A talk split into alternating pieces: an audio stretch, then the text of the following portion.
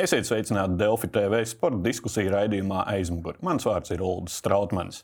Jau pēc 76 stundām, 50 km no katras galvaspilsētas Dohas, mazajā pilsētiņā Horā sāksies gada gaidītākais sporta notikums - pasaules kausa fināla turnīrs futbolā. 28 dienas, 32 komandas, 64 spēles. Futbolu ne tikai futbola cienītāji saldēja sēdiens, ko gaida jau četrus gadus.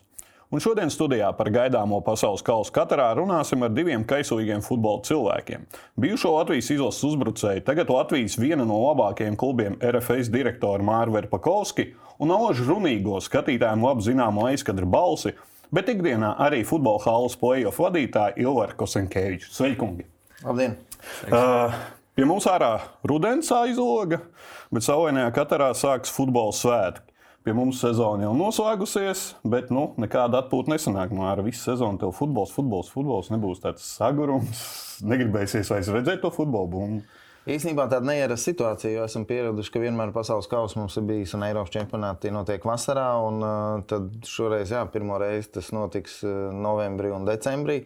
Man kā parastam līdzjutējam šis fakts iepriecina, jo drūgnajos, drēgnajos, tumšajos uh, novembra, decembra vakaros būs ko darīt. Un, uh, jā, būs lieliski izkalēti katru vakaru un uh, augstākā līmeņa futbols. Tas priecē. Šīs ziemas faktors visu laiku tiek apspriests, kopš jau izvēlēja Kataru, kā tev Ilvara, kā arī kaislīgam futbola komentētājam un pašam futbolistam esot tas liekas man tie drēgni rudens vakar vai ziemas vakar nekad nav bijuši brīvi. Man laikam ļoti nekas nemainās. Es saprotu, tie, kas ir dzīvi Latvijas futbolā, teiksim, kā Māras ikdienas procesos, tad skaidrs, ka vienas sezonas nogrieziens beidzas, lai arī es lieliski zinu, ka uzreiz ir runa par sastāvu komplektācijām un, un uh, pirmssezonas nometnes visas plānošana jau jā, nekas nav apstājies. Jā, jā. Tas ir skaidrs uh, profesionāliem klubiem. Bet, uh, Man tas saldais ēdiens, kā vienmēr, jo vairāk futbola, jo labāk. Nekas nav manā dzīvē mainījies sanāks arī komentēt, eh, cik noslogots grafiks tev būs. Uh, sākšu ar 13 dienu sēriju, katru vakaru viena spēle. Tā kā kalendārs ļoti noslogots, tāpēc uh, man šādas lietas, kā skaidrība par to, vai man būs vai nebūs jākomentē, vienmēr ir ļoti svarīgs jau vairākus mēnešus iepriekš. Jo tad, kad teiksim, vasarā ir šie lielie fināla turnīri, man gatavošanās process parasti sākas apmēram oktobrī, novembrī. Un tad visas sezonas garumā tieši jau specializēti tiek uzkrāta informācija, man savu pierakstu sistēmu, kā es to visu salieku pa plauktiņiem, lai tajā brīdī, kad čempionāts sākās, es esmu principā praktiski gatavs. Skaidrs, ka aktuālās lietas tev katru dienu tik un tā ir jāpapildina jā, savos sarakstos un pierakstos, bet, uh, ja sāk gatavoties, nedod Dievs nedēļu iepriekš, nu tad nu, Tas ir pat, tas tāds dziļi mežā un daudz futbolistiem jāsāk. Pat ātrāk nekā futbolistiem jāsāk gatavoties pasaules kausam. Noteikti, un tad, kad man ir kaut kāda saskara ar uh, futbola faniem, skatītājiem, un kad viņi kādreiz atnāk vai nu pie manis ciemos, regulāri paprasās, uh, teikt, pasakot līdzi, paskatīties. Nu, viņi sēž blakus uh, studi studijā vai būdiņā, kur es komentēju, un tad, ir, un tad kad viņi ierauga šo pasauli, komentētāju pasauli, viņiem visiem praktiski bez izņēmuma ir pārsteigums, hei, ir tik daudz jāgatavojas, to arī vajag, vai ne? Nu, tas nav tā aiziet, apsēsties un tagad es parunāšu. Nu, tā tas nenotiek. Atpakaļ pie pasaules kausa, ņemot vērā visu, kas noticis par un ap esošo situāciju, kā tika izvēlēts, tagad arī Netflix filma iznākusi. Ir tāda tradicionālā svētku sajūta, ar ko gaida šo pasaules kausu. Nu, tās negācijas tiešām, laikam, šis ir īpašs pasaules kausa, kur negācijas un kādas runas ir visvairāk. Jā. Lai gan es arī tagad sāku skatīties to Netflix seriālu, kur uh, kur stāsta tieši par kā tika izvēlēta katra un kāpēc tika izvēlēta. Saprotu arī, ka iepriekš ir bijuši jau ļoti daudz skandalozu lēmumu, un tas, tas pat 78. gada čempionāts Argentīnā. Jā, šis nebūs laikam pirmais, bet nu, tagad salīdzinot tos pēdējo gadu čempionātus no 20, cik es atceros, 20. 30 gadu um, vēsturē, tad šis laikam jābūt tāds skandalozo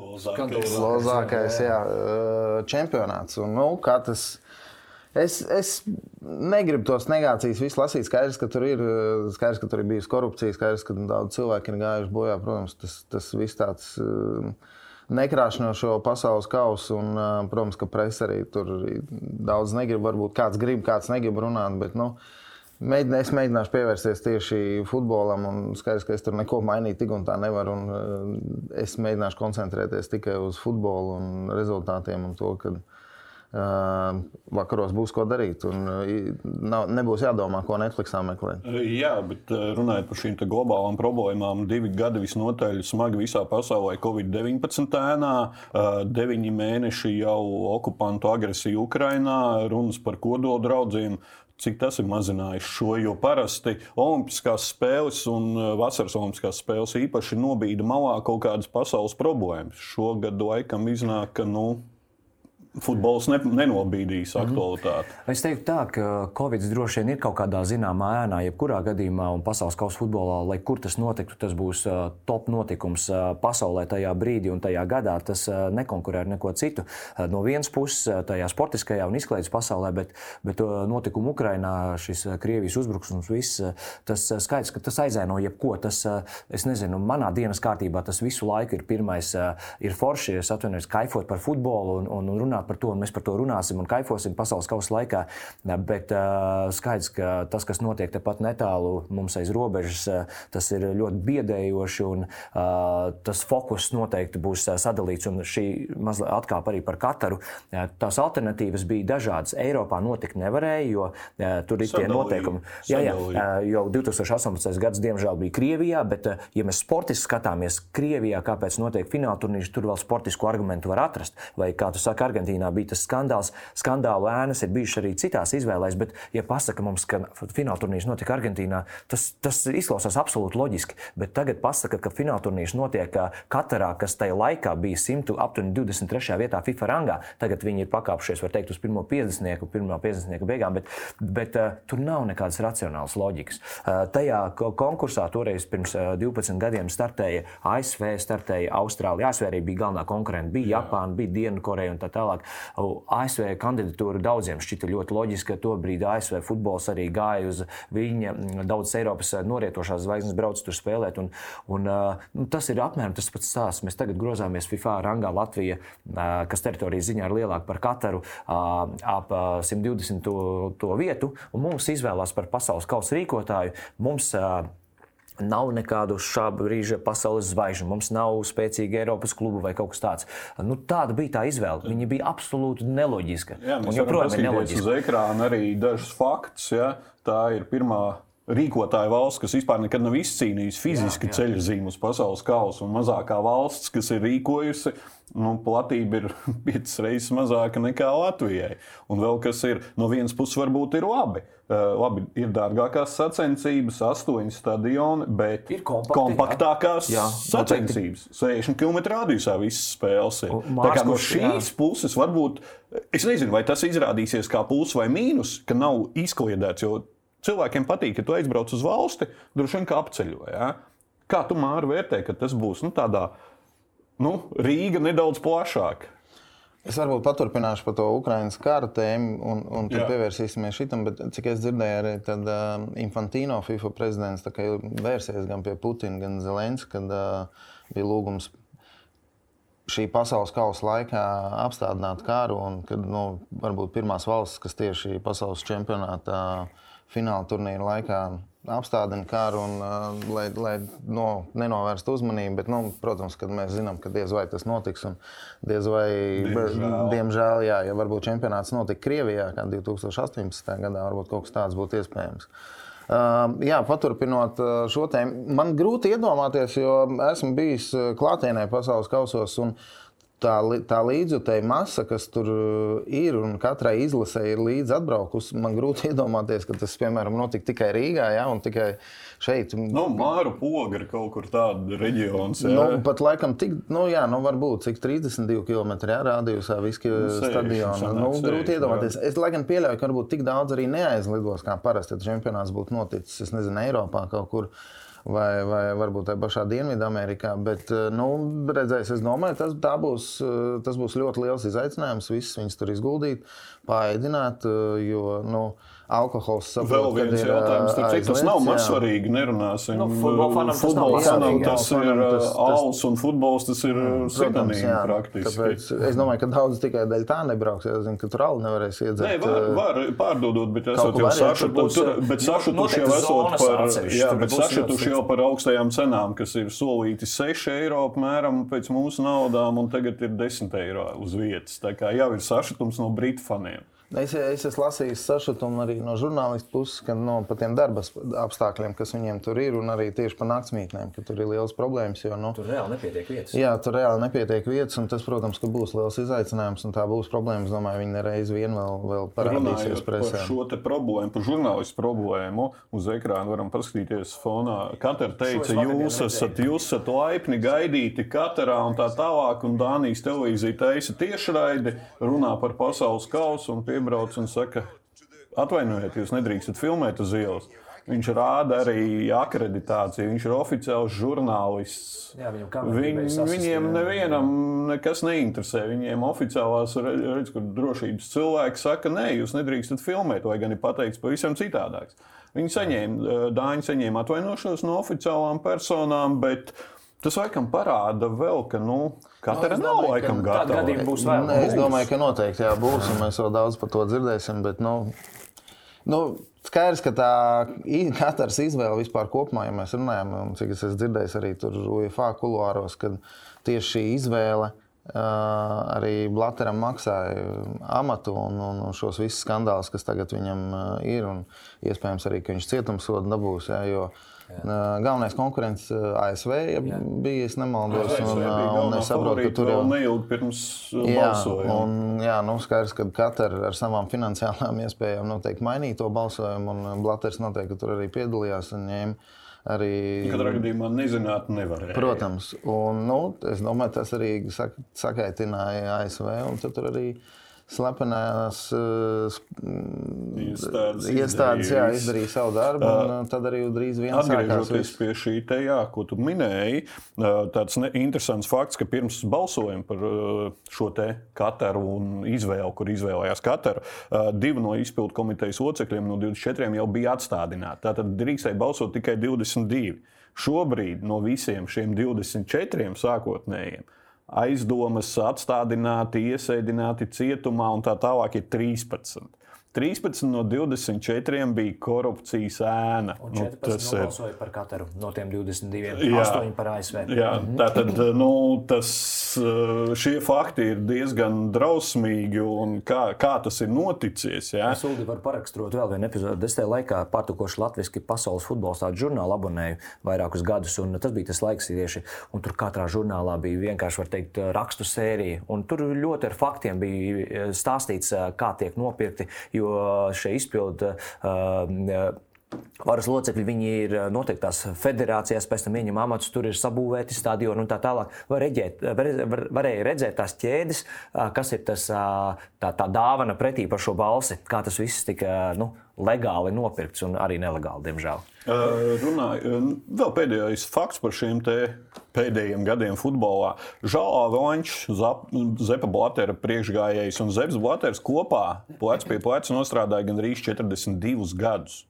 Divi cilvēki vadīja FIFA 42 gadus. Nu, tāds iespaidīgs fakts.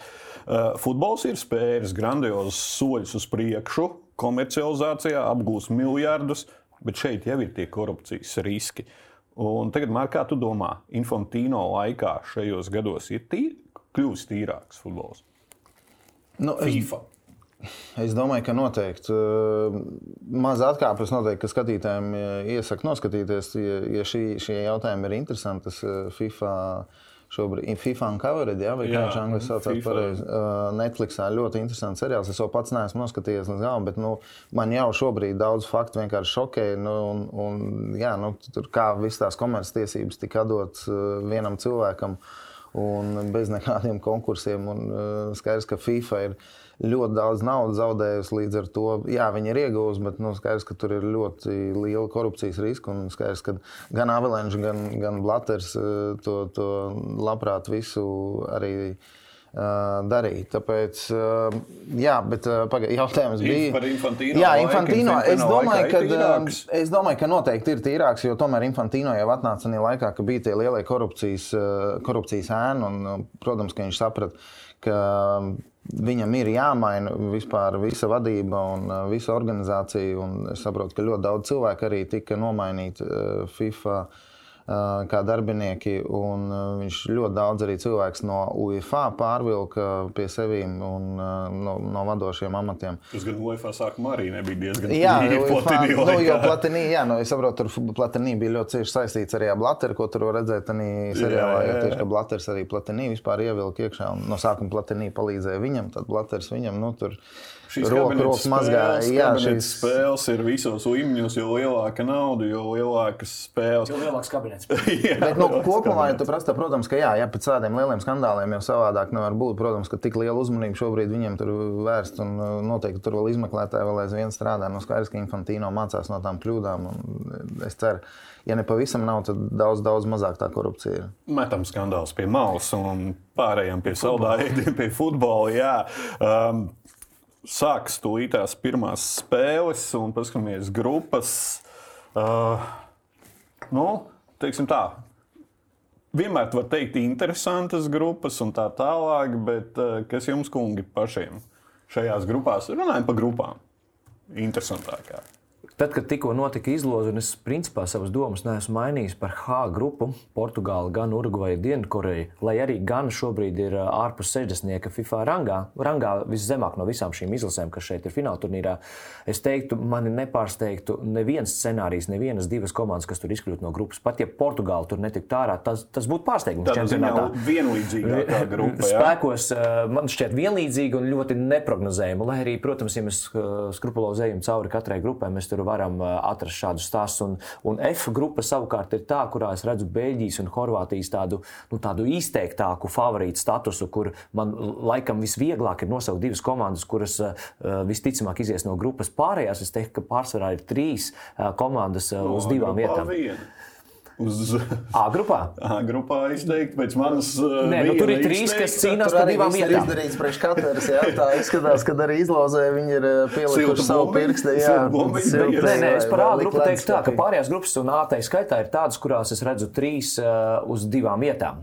Vairāk izteiktāk. Katru es, uh, lai piedod viņi. Uh, bet uh, viņu izredzes ir niecīgas, lai arī nu, es novēlu veiksmi, lai tiesnešiem labi iet no rokas darbs tajās spēlēs, kurās katra ir.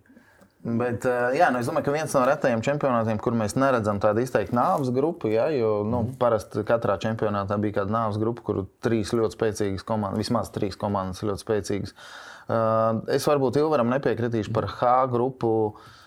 Man vairāk liekas, tieši, ka F grupa varētu būt. Es, es nedomāju, ka Horvātija un Beļģija ies viegli pret Maroku Un Kanāda, es domāju, ka Kanāda varētu būt pārsteigums šī čempionāta. Viņi pēdējā laikā arī ļoti progresējuši. Jā, jā, ir, ir, ir, ir daži spē, ļoti spēcīgi spēlētāji. Un, nu, es nezinu, es domāju, ka nu, vismaz Horvātiem, Beļģiem, es domāju, ka nevajadzētu. Kanādā jāgatavojas 2026. gadam arī. Jā, jā. Un, nu, tur un pēdējā laikā tur tiešām ir, ir ļoti futbols progresējis. Nu, redzēsim, kā viņi sev parādīs čempionātā, bet es domāju, ka tur varētu būt pārsteigumi. Lai būtu vēl lielāks eh, kišmīša, es liktu uz G grupu, kas varētu būt interesanti.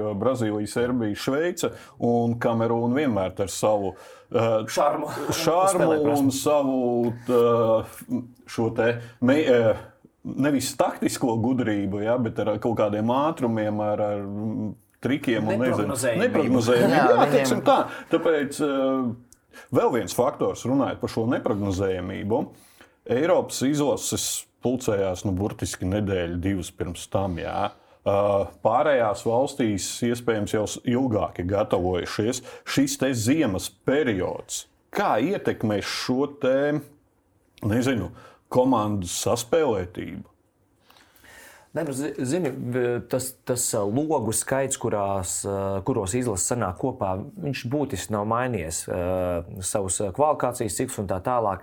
Tādā ziņā ritms varbūt nav mainījies, bet tas, ka sezonas pirmās puses kalendārs nacionālajos čempionātos ar visiem tiem turnīriem, kuros vēl startē, piemēram, Eiropas komandas iedomājot. Visiem bija jāsāk ātrāk nacionālajā čempionātā, vasarā bija mazāk atpūtas. Tad ir League, kuras, piemēram, grupu turnīrs Aldeši beidzies decembra ievadā pirmajā pusē. Tagad 3. novembrī beidzās League grupu turnīrs. Anglijā vēl līgas kaut kur pa vidu. Tur ir tik saspiestas kalendārs, tā slodze ir bijusi abnormāla. Un tagad iedomājos spēlētāju. Skaidrs, ka katrs spēlētājs sapnis ir spēlēt pasaules kausā.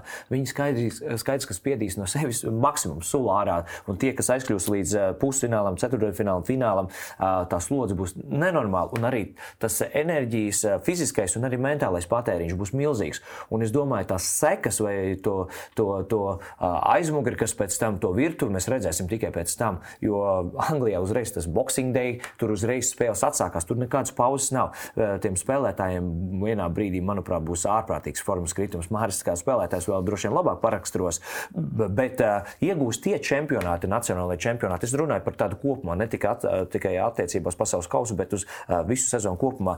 Kā Bundeslīga, kurā ir mazāk komandas nacionālajā čempionātā, ir vienmēr ziemā maziņš tā teikt, pārtraukums, un tur, kur dūlie, kā Anglijā, kur viņi skrien praktiski bez pārtraukuma, nu, tiem spēlētājiem pēc tam būs uh, tādi viļņi, un es domāju, tur varētu pār, sagaidīt arī pārsteigums nacionālajos čempionos pēc tam. Mār, kā futbolistam bijušajam, kā ir šis te uh, hokeja izlasēji sezonas beigās? Ir lielais turnīrs, pasaules čempionāts. Futbolā arī visu laiku šis bija sezonas beigās, un pēc tam, kā jau es teicu, tu vari arī atpūsties. Tev ir mēnesis aizbraukt, atpūsties ar ģimeni, atvilkt galvu, visu atslābināt un tā tālāk.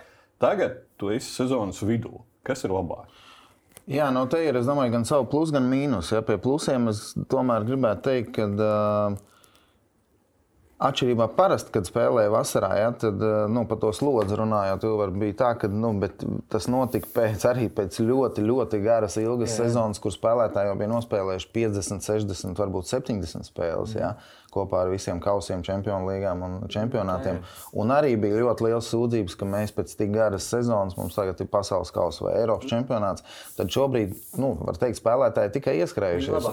Viņi ir labākā formā būs. būs jā. Otrs, sakal, kas ir mīnus, viņiem ir tikai bijusi viena nedēļa sagatavoties, kas ir ļoti maz. Pa vienu nedēļu, nu, viņi, man liekas, viena draudzības spēle, knapu spēju uzspēlēt, un jā. visu, un, un tev jāsāk spēlēt. Parasti tās bija 3-4 nedēļas. Skaidrs, ka tad tu vari redzēt, tur gan treneru rokrakstu, gan to, ka viņi ir saspēlējušies. Tāpēc es domāju, ka uh, pa lielam, lielām izlasēm uh, nu, favorītiem. Viņiem vajadzēs vairāk laika ieskrieties. Un iespējams, ka pirmajās kārtās mēs redzēsim daudz pārsteigumu tikai dēļ tā, ka viņi vēl nebūs saspēlējušies. Un tad jau nu, noteikti, ka tur pēc kādas otrās, trešās kārtas. Šis turnīrs atšķirībā no, teiksim, hokeja čempionāta, kur tu vari ieskrieties kā Kanādu, Latvijā. Jā, jā, protams, šeit viena kādam, spēle. Jā, kādam tā kļūda, protams, ka dārgi. var dārgi maksāt un neizkļūt no grupas. Un es domāju, ka to mēs arī redzēsim, jo tiešām tas ir Tas netipiski, tā viena nedēļa, tas ir ļoti maz, lai normāli sagatavotos čempionātam. Vēl viena lieta, kas uh, izpaliek, varbūt tās tā mēdīju un līdzjutēju uzmanības ziņā, uh, parasti pirms pasaules kausiem un arī Eiropas čempionātiem, šī tai komandai mājvieta, šī tai komandai mājvieta, viņas rūpīgi izvēlās. Tagad mēs neesam dzirdējuši par šīm mājvietām, kurā nu ierodās, sāk gatavoties un uh, jau pierod pie tiem apstākļiem, starp citu, arī laika apstākļi. Ja, ja runājam, nu, nav jau Anglijā, vai Spānijā, vai Itālijā nekāda vasara. Ja? Nu, normāls rudens un tāds laiks, un tad aizbrauc. Jā, tas kulminācijas etaps ir eh, krietni vien īsāks. Viņi visi praktiski ir izlēkuši no nacionālajiem čempionātiem uzreiz ielas fināla turnīrā. Jo tad, kad beidzās sezona, eh, tad, eh, nu, teiksim, maijā beidzās, maija otrajā pusē beidzās sezona, citiem vēl ātrāk. Un tad ir tās trīs nedēļas, un tad viss, tik tiešām tā ažitāža arī no žurnālistu viedokļa viņiem ir ilgāks laiks sekot līdzi, viss tā sagatavošanās. Es piekrītu tam, ko arī Māris teica. Te vienkārši tas, iedomājies, ir izlase, kura izstājas pusfinālā tam spēlētājiem vienkārši tas mentālais uh, kritums un lidojums lejā Jā, ir uh, baigais. Uh, ja, ja skatās tā, kad vasarā ir tāds skaits, tā slodze ir uh, nenormāli, tur spēlē pa 60, 70 spēlēm, un, un tad tev ir pasaules kausa. Bet, uh, tas motivācijas tā, tā virsotne tomēr ietekmē uz augšu. Bet tas arī, tas, tas, tas arī vienmēr ir bijis izaicinājums, ka sezona beigusies, gribās dažas dienas atpūsties, un tad tev aiziet lejā viss vis tā, tā gatavība. Un, Jā, nu, tur izaicinājums bija interesanti, ka bija vēl viens faktors, kas pirms tam, ko nebija pieredzējuši, to arī mums, kad bija Fiorentina atbraukus, mums bija oficiālās pusdienas. Viņa teica, kad kas notiek tagad eh, vadošajos klubos un čempionātos, jo viņi vispār spļaudījās par šo ideju spēlēt eh, katrā no novembrī un ja decembrī. Ir... Ne visi arī piedalās. Jā, nē, nu, jā skaidrs, bet nu, viņiem tas pārtraukums, viņiem viņi teica, mēs pirmo reizi kaut ko tādu saskaramies, mēs nezinām vispār, kā tagad pēc tam, pēc čempionāta, kā spēlētāji atbrauks, kā gatavoties, un uh, tas pārtraukums čempionāta vidū, nu, mums kaut kāda jauna pieredze, un, un skatīsimies, kā mēs iziesim tam cauri. Bet uh, kāda bija ļoti liela problēma, ka ļoti daudz spēlētāju, kur piedalās pasaules kausa fināla turnīrā, Viņi pēdējo mēnesi simulēja traumas, viņi nespēlēja un viņi taupīja spēkus pasaules kausam. Jo mēs redzam, ka Gutī arī Benzemā ļoti tās kritizēja, kad arī viņš pēdējās kārtas Real Madrid rindās nespēlēja. Lai gan uz, visi doktori teica, ka viņam nekā nav un ka viņš ir vesels. Jā, Mauriņo arī to Dāni nokritizēja, pateica, ka viņš nu, ļoti slikti spēlēja, jo viņš gatavojas pasaules kausam. Un es saprotu, ka visos vadošajos čempionātos bija, bija tādas problēmas. Gaiteņu spēles ir šādā jā, ziņā jā, bijušas no federācijām, kuras ar futbolistiem ir sazinājušās jā. un kaut kādas viltības iekšējās izstrādājušas. Ir skaidrs, ka katrai valsts valstī, pirmkārt, ne tikai šai federācijai, bet arī valstī tas ir prestižs. Protams, tas ir valstiskā nu, līmenī. Pašam futbolistam jau arī zina, ka nu, nu, tas pasaules kausa tas ir tas, mm. daudzas izlases tur pirm, pirmo reizi tikušas, vai ļoti reti, varbūt viņam karjerā vai jā, vienīgā reize, kad viņš var uzspēlēt. Nu, viņš domā, nu labi, nu, es tagad pāris spēles labāk izlaidīšu, labāk es netraumēšos, bet eh, es nospēlēšu. Traumas jau tagad nāk ik pa laikam informācija, tas nespēlēs, tas nespēlēs, tā izlasē nebūs. Jā, tā kā šīs te traumas jau sezonas vidū traumas ir, traumas ir vairāk iespējami mm. lielāks risks. Es uzskatu, ka lielāks nekā sezonas galā, kad tu jau uh, dažas spēles, kad tu zini, ka tu vairs, ja esi čempions vai neesi čempions, ka tu nevari kļūt nu, pietālpi iespējams. Nu, kā, ir vienkāršāk kā... skaits, ja, ja tu esi četras kārtas pirms sezonas beigām garantējis, ka ja, tava komanda ir valsts čempiona, tu skaidrs, tu kā spēlētājs vari viegli arī pieiet, manuprāt, pie treneriem pateikt, hei, nu, es gribu uz fināla turnīru norotē tā, ka man iedod brīvāk, un no nu treneri to cilvēciski saprot. Tagad, piemēram, kad cīņa pilnā karstumā, treneris nevar iedot to atlaidi, jo viņš saprot, ka katrs zaudētais punkts maksās ārkārtīgi dārgi sezonas beigās. Par galvenajiem favorītiem pa grupām mēs izrunājām. Spēlēja 32 komandas, bet no pasaules ranga top 32 nav uh, 7 komandas.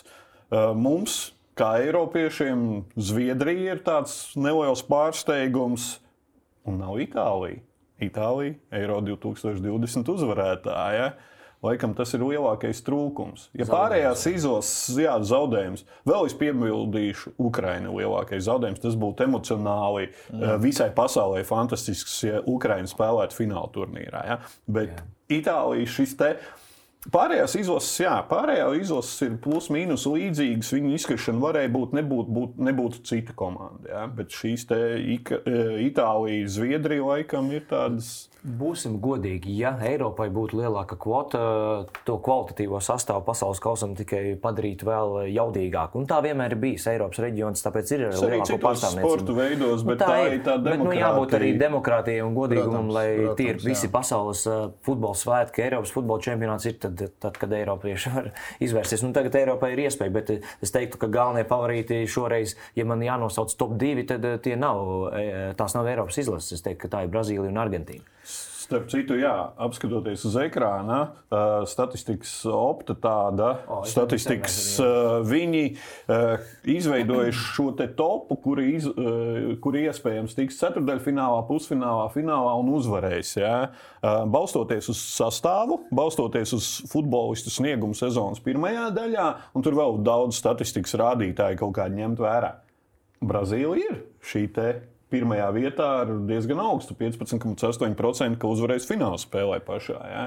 Argentīna ir otrā, bet kopumā, ja tā skatāmies, tie favorīti šeit es uzliku tikai sešus, ja? -hmm. bet favorīti ir diezgan daudz. Nav tā izteiktā viena komanda. Es lasīju vienā žurnālā, bija labi pateikts, ka Katra trešā komanda principā ir favorīti. Un tās ir eh, šīs komandas. Tad mēs pieliekam eh, Portugāli, Beļģiju klāt. Tā tiešām sanāca principā, deviņas tādas ļoti jaudīgas komandas, kuras uh, var uzvarēt. Nemaz nerunājot par uh, tām stiprām izlasēm, kā Horvātija, kura uh, vienmēr ir šajā pulkā, bet nekad netiek uzskatīta kā galvenā favorīta. Un te jau var tā situācija ļoti interesanti mainās. Es arī vienā no citiem žurnāliem, atkal skatoties to prognozējumu labāko starta 11. Francija, piemēram, bija paredzēts, ka tur Pogba spēlēs un Engelo Kantē, kuriem ir veselības problēmas.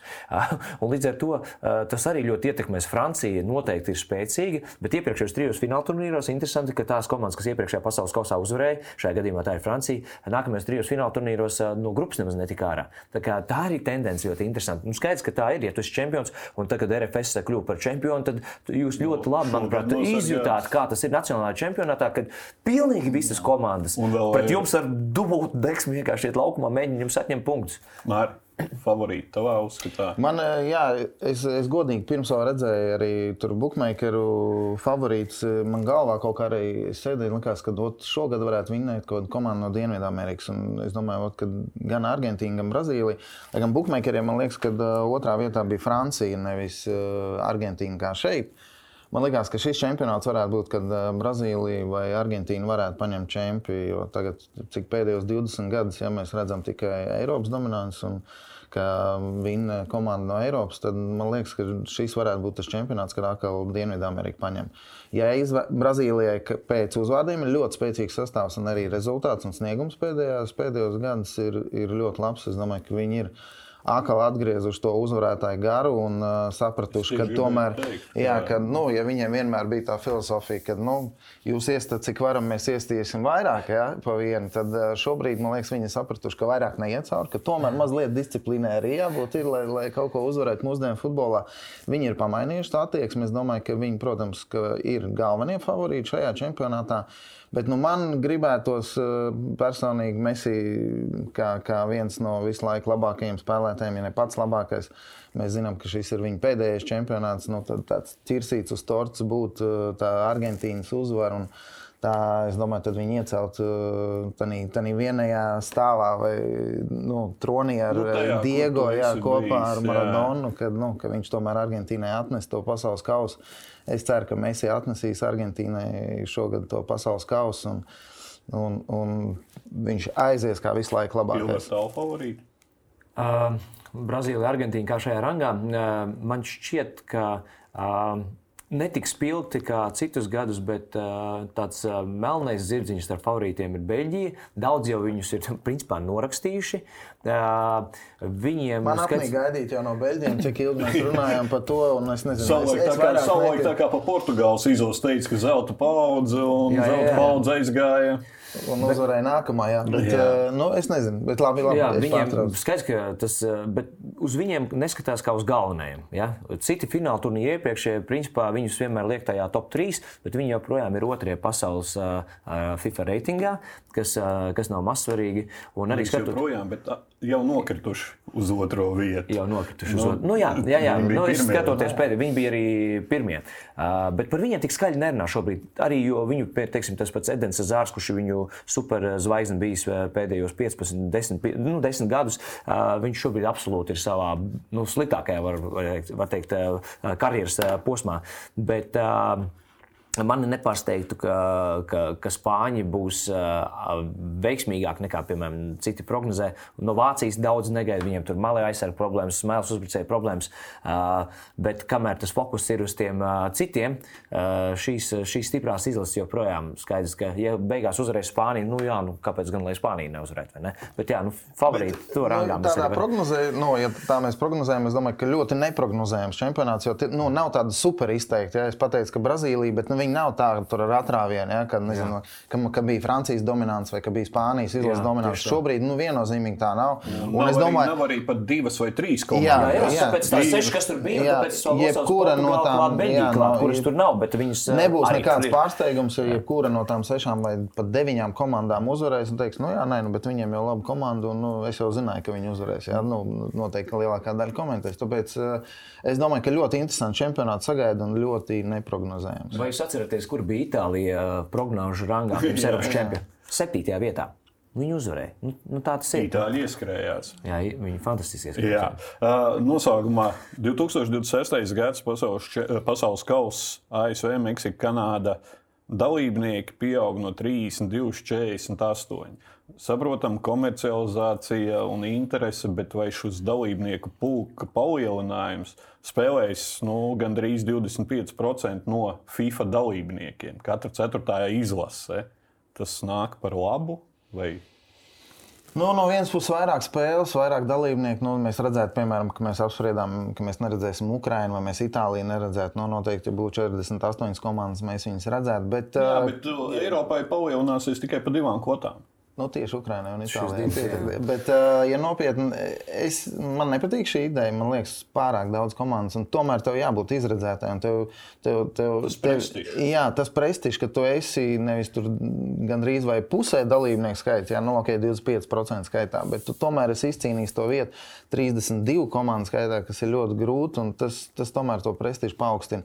Es nedomāju, ka nu, skaidrs, ka tur komer komercializācija, ja, jo vairāk spēles, vairāk reklāmas, uh, vairāk televīzija, lielākas naudas, un FIFA to vairāk nopelnīs, skatītāji vairāk. Bet, uh, Man šī ideja nepatīk. Es būtu 32 komandu teiksim, tā, atbalstītājs. Jo kvalitāte, es domāju, ka būtu augstāk mums paliks, un mēs palielinām. Es nedomāju, ka viņi palielināsies. Skaidrs, ka viņi tikai mazināsies. Jā. Uh, Ilvar, tev kā komentētājam, viens uh, jautājums noslēgumā. Paskatāmies, laikam, interesantākais stadions Katarā. Ah, jā, šī Jā, kontinenta jā, tu esi droši vien gatavojies un Esmu. zini. Stadiona nosaukums ir 974. Kāpēc? Es 974. Es, man tieši šeit ir priekšā visi tie stadioni. Es pirms Uh, pāris nakts- 974 konteineri, pirmais Ah, stadions jā. pasaules kausā, kurš ir uh, pazudījis pēc pasaules kausa. izjauks. Uh, izjuk, izjauks viņu, jā, 974 konteineri, kur pārveidoti par uh, kafejnīcām, birojiem, uh, VIP te, uh, vietām un tā tālāk. Jā. Bet vēl viens jautājums. Kāpēc 974 zini? Nu, tagad tu mani nomocīji. Nē, es, ne, es uz karstām pēdām. Uh, visu cieņu katrai, ka viņi šādu nosaukumu iedeva, jo katrs starptautiskais kods ir 974. Ah, nu, ja, es būtu, Maleči. ja es dotos uz fināla turnīru, tad es uh, droši vien dotos uz turnīru. Maleči tādā ziņā viņi parāda kaut kādu, ka mums vienmēr, piemēram, uzbūvēt stadionu, un stadions 371. Jā. Jā. Bet kas ir sāpīgi, ka visi eh, skatoties, tieši gatavojoties šim čempionātam un skatoties, es pirms pāris na- naktīm eh, skatījos eh, tieši stadionus, cik lieli un tā tālāk, ka daļā no stadioniem nav neviena mājas kluba. Vai ne? Nu, tas ir tik nedabiski, viss uzbūvēts, tas eh, pasākums, tas fināla turnīrs man, man personīgi ir sāpīgi. Un es arī noteikti palieku pie tā, ka 32 un tur arī pavēl, vajadzēja pavilkt svītru, lai, ja bērnam ir viena konflikta lielāka svēta nekā maisis ar konfliktiem. Piekrīt. Paldies, kungi! Paldies, Māri! Gaidām nākamgad atkal RFS sekmīgu Eiropas sezonu. Ilgu, lai ir daudz spēļu. Ilvar, Paldies. izturība tev šīs 28 dienas, lai interesanti komentēt un nav garlaicīgu spēļu. Cienīties, jā, cienīties skatītāji, tuvāko četru nedēļu laikā portālā Delfa ar kolēģiem Jāni Benziku un Almantu Poikānu nodrošināsim visu spēļu tekstu tiešraides un speciālajā pasaules kausa sadaļā informēsim par visu interesanto gan futbola laukumos, katrā, gan arī ārpus tiem.